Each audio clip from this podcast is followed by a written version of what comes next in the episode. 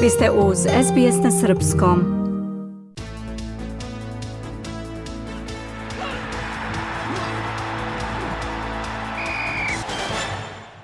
Srpski teniser Novak Đoković pobedom je počeo odbranu titule na završnom mastersu sezone u Torinu. U meču prvog kola grupne faze savladao je Holgera Runea sa 2-1 u setovima i tako obezbedio prvo mesto na svetskoj ATP listi na kraju 2023. godine, Neizvestan duel trajao je puna tri sata, a Đoković je uspeo da zabeleži pobedu iako je Rune ozbiljno zapretio kada je u tajbrejku dobio drugi set i izjednačio na 1-1.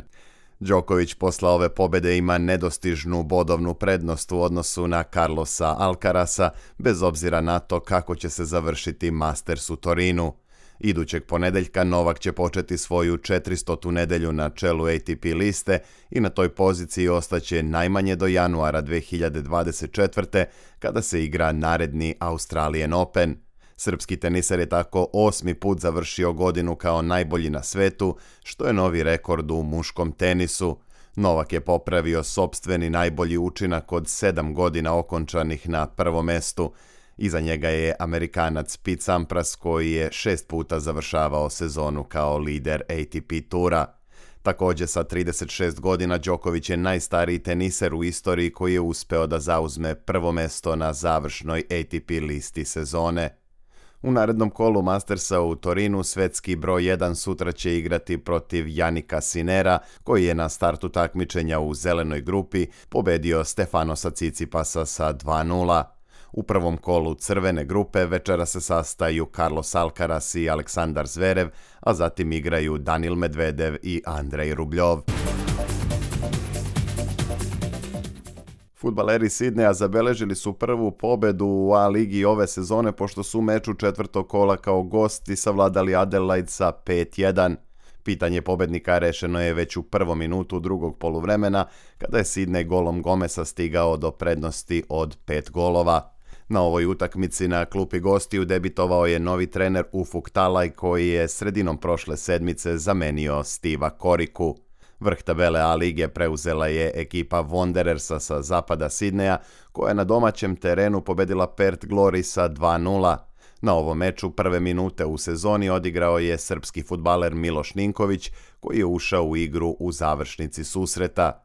Najviše uzbuđenja viđeno je na utakmici Melbourne City MacArthur koja je završena podelom bodova 3-3. Gosti su do 90. minuta imali prednost od 3-1, ali je Melbourne City uspeo da dođe do izjednačenja u sudijskoj nadoknadi vremena. Još jedan poraz zabeležili su šampioni A lige Central Coast Marinersi koji su izgubili na domaćem terenu od Brisbanea sa 2-1. Marinersi su jedina ekipa bez osvojenog boda posle prva četiri kola – U ostalim mečevima Melbourne Victory i Wellington Phoenix odigrali su nerešeno 1-1, dok je Newcastle kao gost savladao Western United sa 1-0. U Srbiji su ovog vikenda odigrane utakmice 15. kola Superlige. lige. Futbaleri Partizana sačuvali su šest bodova prednosti ispred Crvene zvezde pošto su u derbiju ove runde savladali Čukarički sa 2-1. Lider je do pobede stigao golo Mihajla Ilića u šestom minutu sudijske nadoknade. Posle meča uprava Čukaričkog je izdala saopštenje u kojem se navodi da je klub z Banovog brda brutalno pokraden.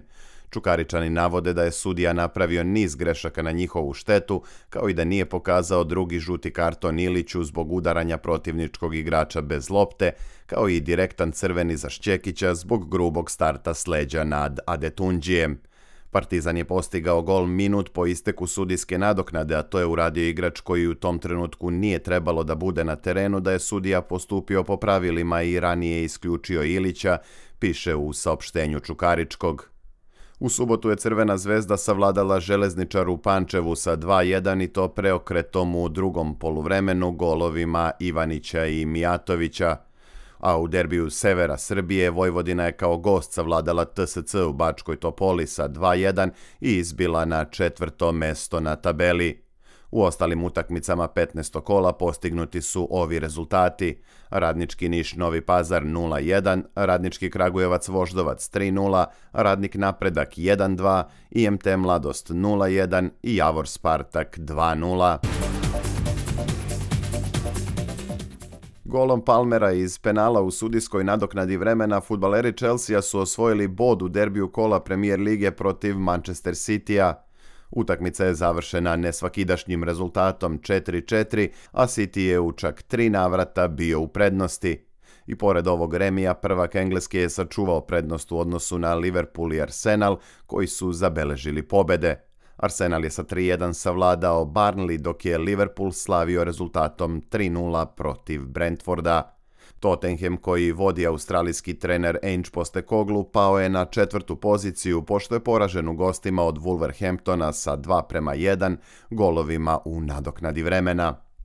Za to vreme u Španiji nastavlja se serija pobeda ekipe Girone – Tim iz Katalonije savladao je Rajo Valjekano sa 2-1 i tako zabeležio svoj 11. uspeh u 13 dosadašnjih utakmica. Dva boda manje od Girone ima Real Madrid koji je sa 5-1 pobedio Valenciju, dok je treće plasirana Barcelona slavila protiv Alavesa 2-1. Niz pobeda nastavio i madridski Atletico 3-1 protiv Villareala a u Italiji je sinoć odigran veliki gradski derbi Rima u kojem su Roma i Lazio podelili bodove 0 prema 0. Daleko više uzbuđenja viđeno je u susretu Lećeja i Milana koji je također završen bez pobednika 2-2. Lider Serie A Inter savladao je Frozinone sa 2-0, dok je Juventus bio bolji od Kaljarija 2-1. Košarkaši i gokeje pobedili su Partizan u Beogradu u sedmom kolu ABA lige 91-89 i naneli tako braniocu titule drugi poraz u regionalnom takmičenju ove sezone.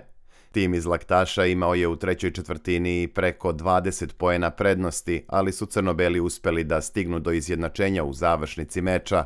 Koš za pobedu gostiju postigao je playmaker i gokeje Stefan Mudi na dve sekunde pre kraja meča. Partizan je posle poraza pao na treće mesto i za budućnosti i Crvene zvezde koji su zabeležili pobede ovog vikenda. Zvezda je slavila u Zadru 81-74, dok je budućnost na domaćem terenu savladala Split 72-58. Utakmici u Zadru prethodili su incidenti u kojima su fizički napadnuti članovi delegacije iz Beograda. Kako je u zvaničnom saopštenju navela Crvena zvezda, u Zadru su od strane maskiranih napadača pretučeni jedan član uprave ovog kluba i njegov prijatelj, kao i dvojica novinara iz Beograda. Zvezda je zatražila hitnu reakciju hrvatske policije i službi bezbednosti kao i privođenje napadača. Prosto je neverovatno da se napadaju ljudi koji su u Zadar stigli kao deo delegacije našeg kluba, a koji na sebi nisu imali nikakva obeležja Crvene zvezde, niti su na bilo koji način provocirali bilo koga, saopštio je Beogradski klub. Košarkaški klub Zadar oštro je osudio teške incidente koji, kako je navedeno, bacaju ljagu na ime kluba i grada – Fizički napad na predstavnike gostujućeg kluba i novinare čin je huliganizma koji nema nikakve veze s navijanjem i ljubavlju prema klubu, piše u saopštenju Zadra. Zadarska policija je u nedelju potvrdila da je privela više osoba koje su povezane sa napadima na zvezdinu delegaciju. Kako pišu mediji Srbije, i na samoj utakmici su se dogodili incidenti kada je grupa pristalica Zadra na tribini raširila zastavu NDH. Srbija je kandidat za održavanje evropskih prvenstava za rukometašice 2030. i 2032. godine, potvrdila je Evropska rukometna federacija EHF. Pored Srbije, kandidati za organizaciju šampionata 2030. su i Crna Gora, Švajcarska i Turska, dok su se za domaćinstvo 2032. prijavili Danska, Nemačka, Crna Gora, Poljska i Švajcarska. Kako je saopštio EHF, moguće je da će oba prvenstva zajednički organizovati po dve ili više država, kao što je to slučaj sa šampionatom 2024. koji će se održati u Austriji, Mađarskoj i Švajcarskoj. SBS ogledalo aktualnih zbivanja u sportu.